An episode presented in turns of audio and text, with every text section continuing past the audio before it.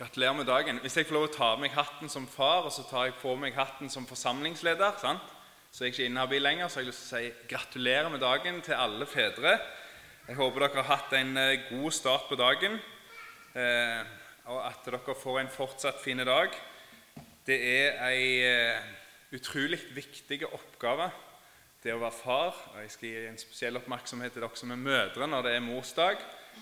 Det å få um, være en trygghet for ungene, å få være med og bære dem, å få være sterke når, vi, når de er svake, um, og, og, alt det som um, følger med. Og så er det en ufattelig trøst for oss at vi aldri er farløse. For Midt oppi den oppgaven så kan vi kjenne på at ha, dette her eh, får vi ikke til sånn som vi gjerne skulle ønske. Da har vi en far som vi kan komme til, som er sterke når vi er svake. I dag så har vi kommet til kapittel 2 i Romerbrevet. Dette er en serie som vi har her i ØVM. For deg som ikke har fått det med deg tidligere. Eh, vi er på vei gjennom Romerbrevet. Og så ønsker vi å gå gjennom nettopp dette brevet. fordi i Romerbrevet så, så viser Gud oss noen sånne grunnsannheter i den kristne troa. Som forteller oss hvem Jesus er, hva han har gjort for oss, og hvem vi er. Hvis du ikke har fått de med deg, så kan du faktisk høre dem på Spotify og de andre talene som er her i ØVM. Da søker du bare opp ØVM der. Mm. Hvis vi bare tar oss og prøver å hente oss kjapt inn Så langt i denne serien så har vi fått med oss at Paulus i romerbrevet så ønsker han å dele de gode nyhetene om Jesus med oss. Evangeliet. Det at Jesus kom og døde for oss. Og det å fortelle om Jesus det er noe som Paulus ikke skammer seg over. Frimodig så forteller han nyhetene om Jesus og evangeliet nettopp fordi det er Guds kraft til frelse for hver den som tror, den som tar imot og får tillit til disse nyhetene. Så er det kraft til frelse. I forrige tale så stoppet vi opp med 'hvorfor frelse'.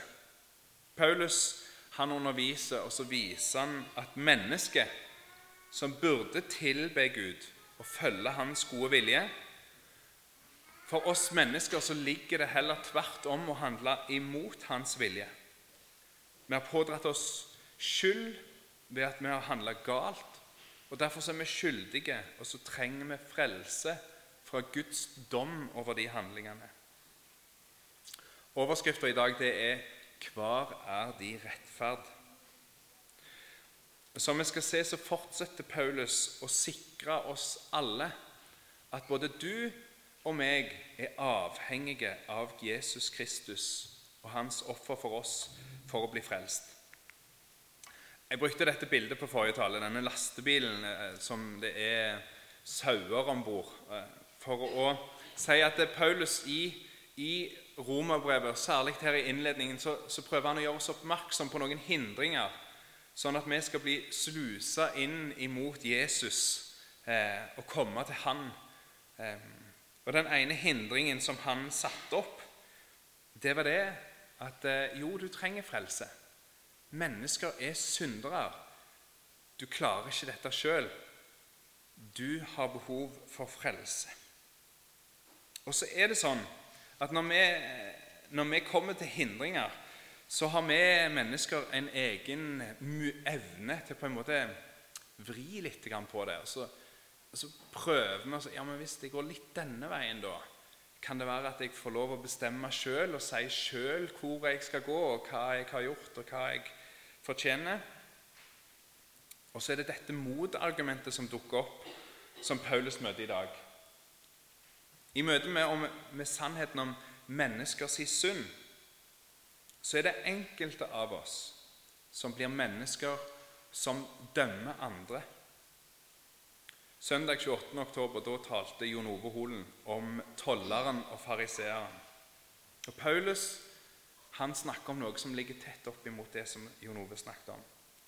Paulus han viser at til og med jøder som lever et relativt anstendig liv, som er opptatt av Gud, de òg er avhengige av Jesus.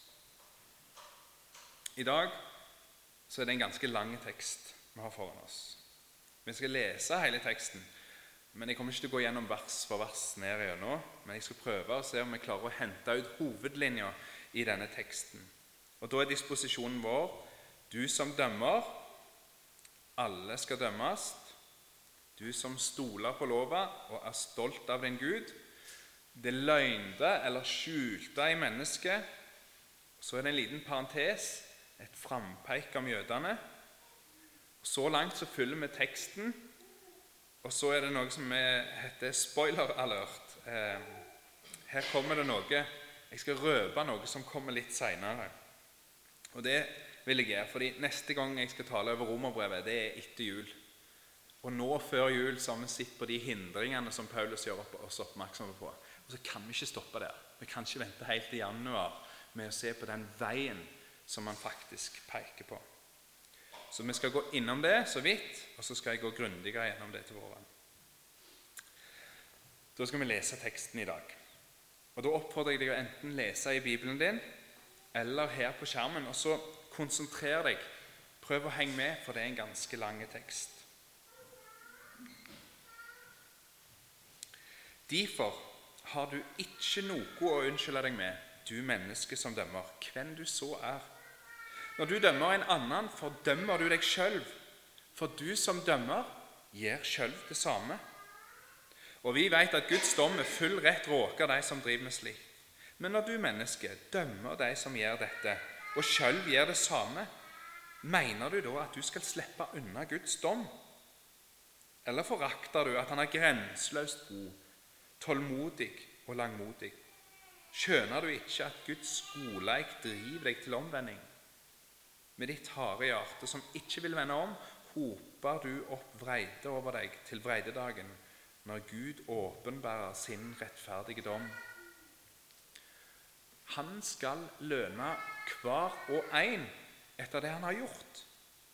De som trufast gjør det gode, søker herligdom, ære og uforgjengeligdom, skal få evig liv. Men de som bare tenker på seg sjølve, som er ulydige mot sanninga og let seg leie av uretten, har vreide og harme i vente. Naud og angst skal komme over hvert menneske som gjør det vonde. Jøde først, og så greker men herligdom, ære og fred skal den få som gjør det gode. Jøde først, og så greker. For Gud gjør ikke forskjell på folk. Alle som har synda uten lova, skal gå fortapt uten lova.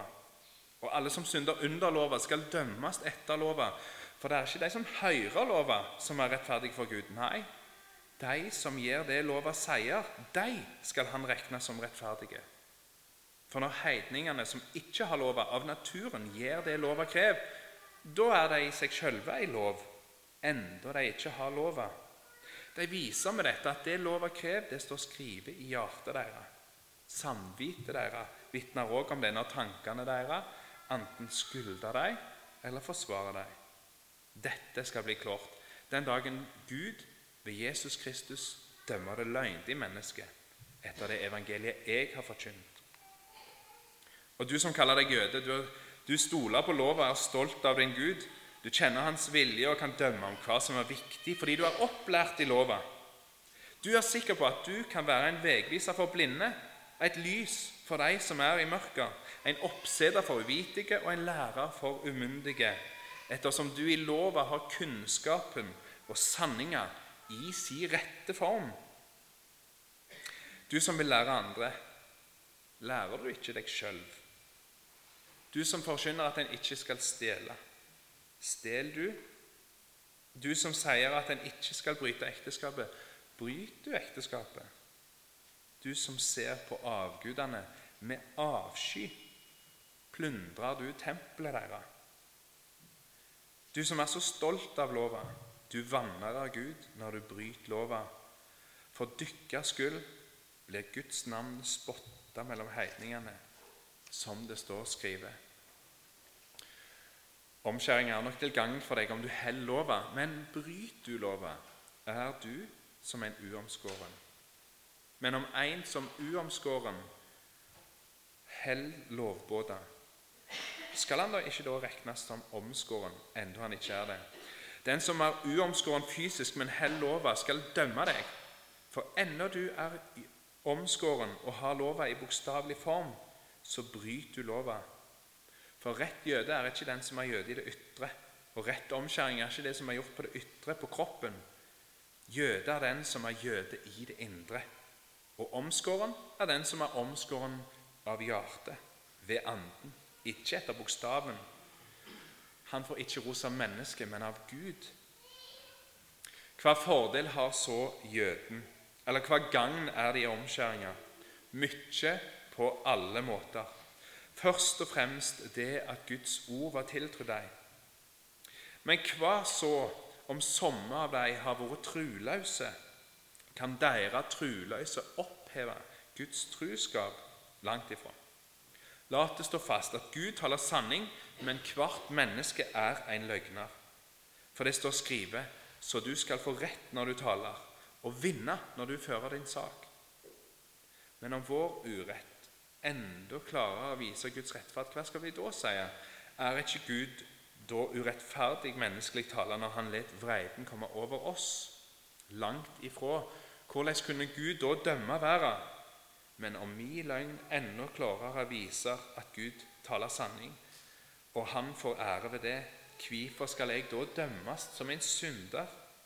Skal vi ikke da like godt gjøre det vonde, så det kan føre til det gode? Det fins de som spotter oss og sier at det er dette vi lærer. De skal få den dommen de fortjener. Herre Jesus, takk for ditt ord. Takk for at det er så masse du har sagt oss. Og så ber jeg deg, Herre Jesus, om at du må hjelpe oss å stoppe opp i dag med en sånn kjernesannhet og at det kan lede oss nærmere deg. I Jesu navn. Amen.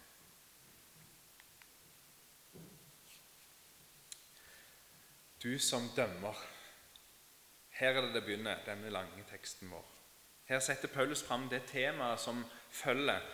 Du som dømmer, du har ingen unnskyldning. Du gjør sjøl det samme. Paulus han setter fram påstanden først, og så begrunner han den påstanden i det som følger. I den teksten som var før vår tekst, for de av dere som ikke husker det, så har Paulus han har beskrevet mennesker sin synd. Han har pekt på alle våre skyggesider, det mørke i oss. De handlingene som vi gjør, som egentlig ikke tåler dagens lys. Og Når han har gjort det, så vet Paulus at da er det enkelte av oss som ikke nødvendigvis blir sinte eller opprørt eller støtt når han sier noe om den synda. Men vi går opp og så stiller vi oss på en måte på sida av Paulus. Og i verste fall så stiller vi oss på sida av Gud. Så sier vi ja, se på det der greiene der. Se på den oppførselen. Se den vondskapen. Du gjør helt rett, du, Gud. Det er helt rett at du dømmer det der. Se på det, de der forferdelige synderne. Noen ganger så er det så eksplisitt, andre ganger så er det litt mer subtilt. Essensen i det er jeg er heldigvis ikke sånn som de der. Eller jeg er i hvert fall ikke like galen som de. Så er det det Paulus prøver å ta tak i nå. Og så vil han vise oss at alle alle, alle mennesker er avhengige av en annen rettferdighet enn vår egen. Og Da begynner han med å forklare oss hvor ligger lista for Guds dom. Hva er standarden for Guds dom? Jo, alle skal dømmes. Før vi går nærmere inn på dette, så, så skal vi være oss bevisst en ting nå. I denne teksten så bruker, Paulus jøden den jøden som tenker om seg sjøl at han eller hun er rettferdige i seg sjøl, som eksempel. Det er den jøden som er oppvokst som jøde, som er omskåren, som kjenner Skriftene, og som ytre sett har ting på stell. Som kanskje tenker at det er ikke de som er jøder, som trenger frelse, men det er de andre. Denne jøden blir eksempelet som Paulus bruker. Og så skriver Paulus dette her i den kristne kirka si første historie. Det er helt i begynnelsen. og Derfor tar han jøden som eksempel.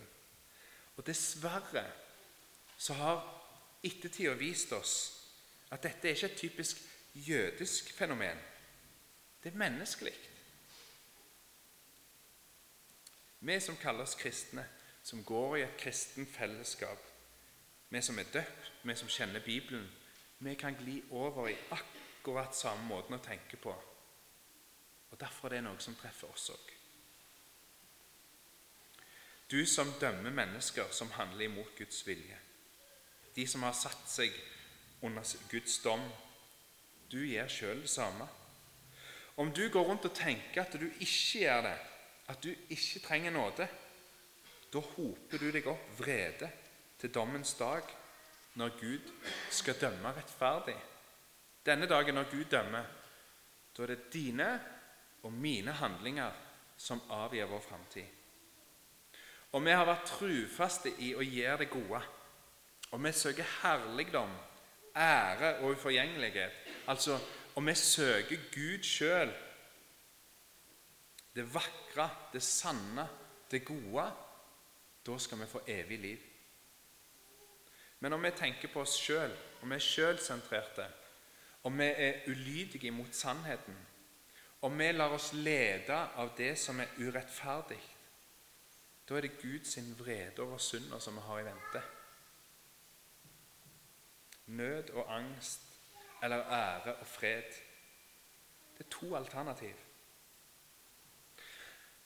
Og Når du leser dette, når jeg leser dette, så møter det meg som så fryktelig absolutt. Det er enten-eller. Det er ja eller nei. Det er svart eller hvitt. Det er fri eller dømt. Hver og én er Paulus sitt poeng. Du som er jøde, du som er kristen, du skal fram for domstolen. Og Gud gjør ikke forskjell på folk. Alle skal dømmes. Og Det finner vi igjen i Det nye testamentet ellers òg. Hvis du, hvis du, tenker på talen som Jesus har om, om, om sauene og geitene, om de som har gjort det gode de som har gjort det vonde I åpenbaringen leser vi om bøker som skal åpnes. Jeg vet ikke om du nå sitter og leter etter en eh, Og de som har gjort et forsøk på å være gode ut ifra de forutsetningene de hadde, eller de som ikke var så galne og oppførte seg greit og gikk regelmessig på møter, ga til misjon det gjør jeg. Men fins det ikke en mellomvei her, da? Fins det ikke noen som har prøvd så godt de kunne? Nei, svarer Bibelen oss. Det her er det enten-eller. Og så er dette den sannheten som Paulus setter fram. Alle skal dømmes. Og så vender han seg til de som stoler på lova og er stolte av Gud. Når vi møter denne absolutte Guds dom, da kan vi tenke ja, men hva da med meg? Hva med meg som er opptatt av Bibelen? Hva med meg som tenker at jeg har lyst til å vise andre hva Guds gode vilje er? Hva med deg som sier ja, men vi skal ikke stjele? Det er galt. Vi skal ikke ha sex før ekteskapet. Vi skal ikke la pengene bli en avgud for oss. Vi skal prioritere det kristne fellesskapet. Det er rett å lese i Bibelen. Det er godt. Hva med de av oss som er opptatt av å holde opp og fram det som Gud har sagt? Til oss så har Paulus noen sånne kontrollspørsmål.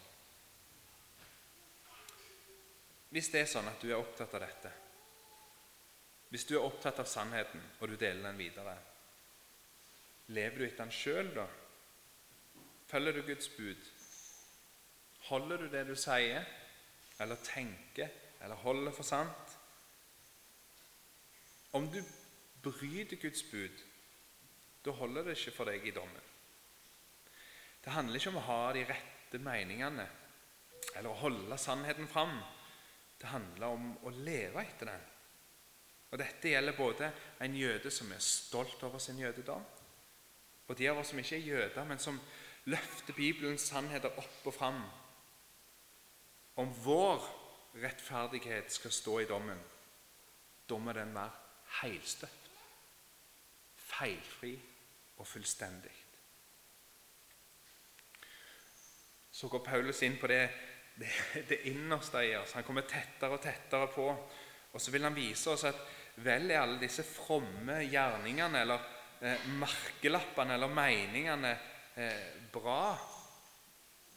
Men den rettferdigheten som Gud krever i dommen, den må være fullstendig, heil og udelt.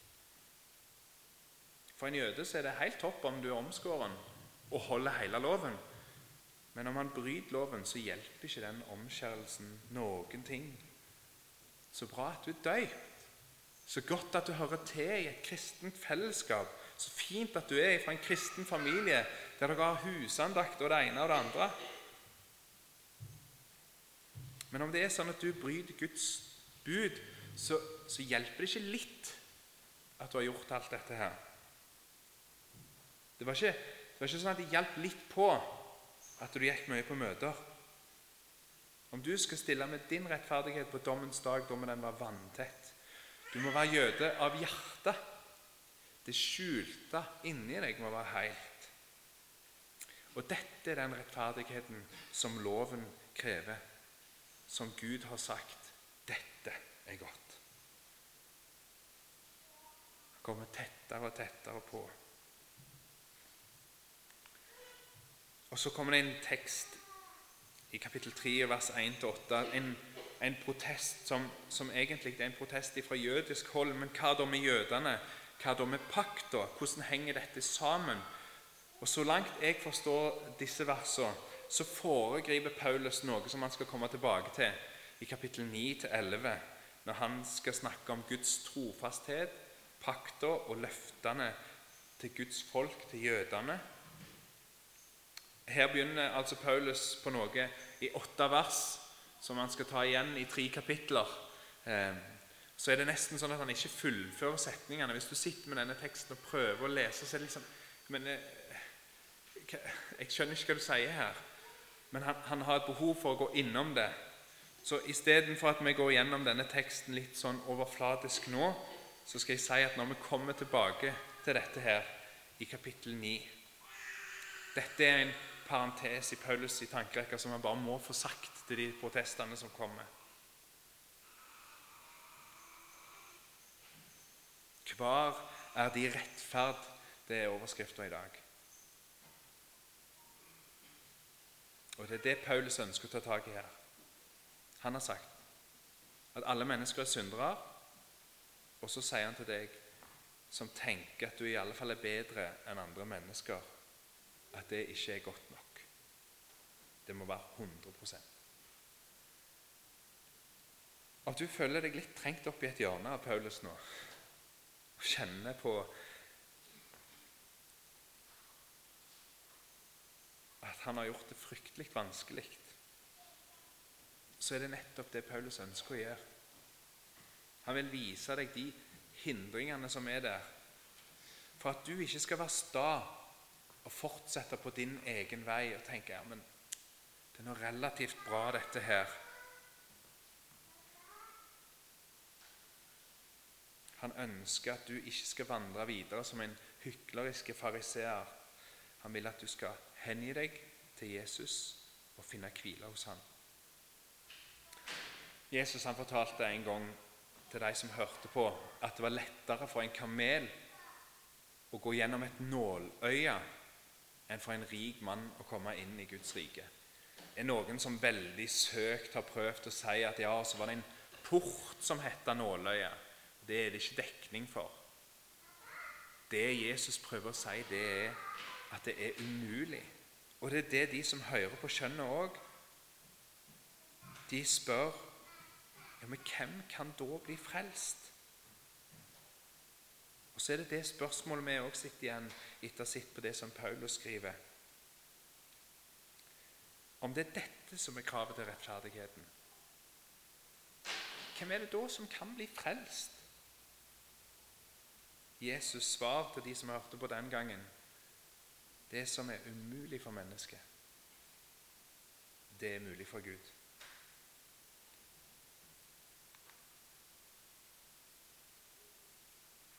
fordi til og med de frommeste av oss har brutt Guds lov, så kommer Gud med en annen rettferdighet som er utenom det å oppfylle loven.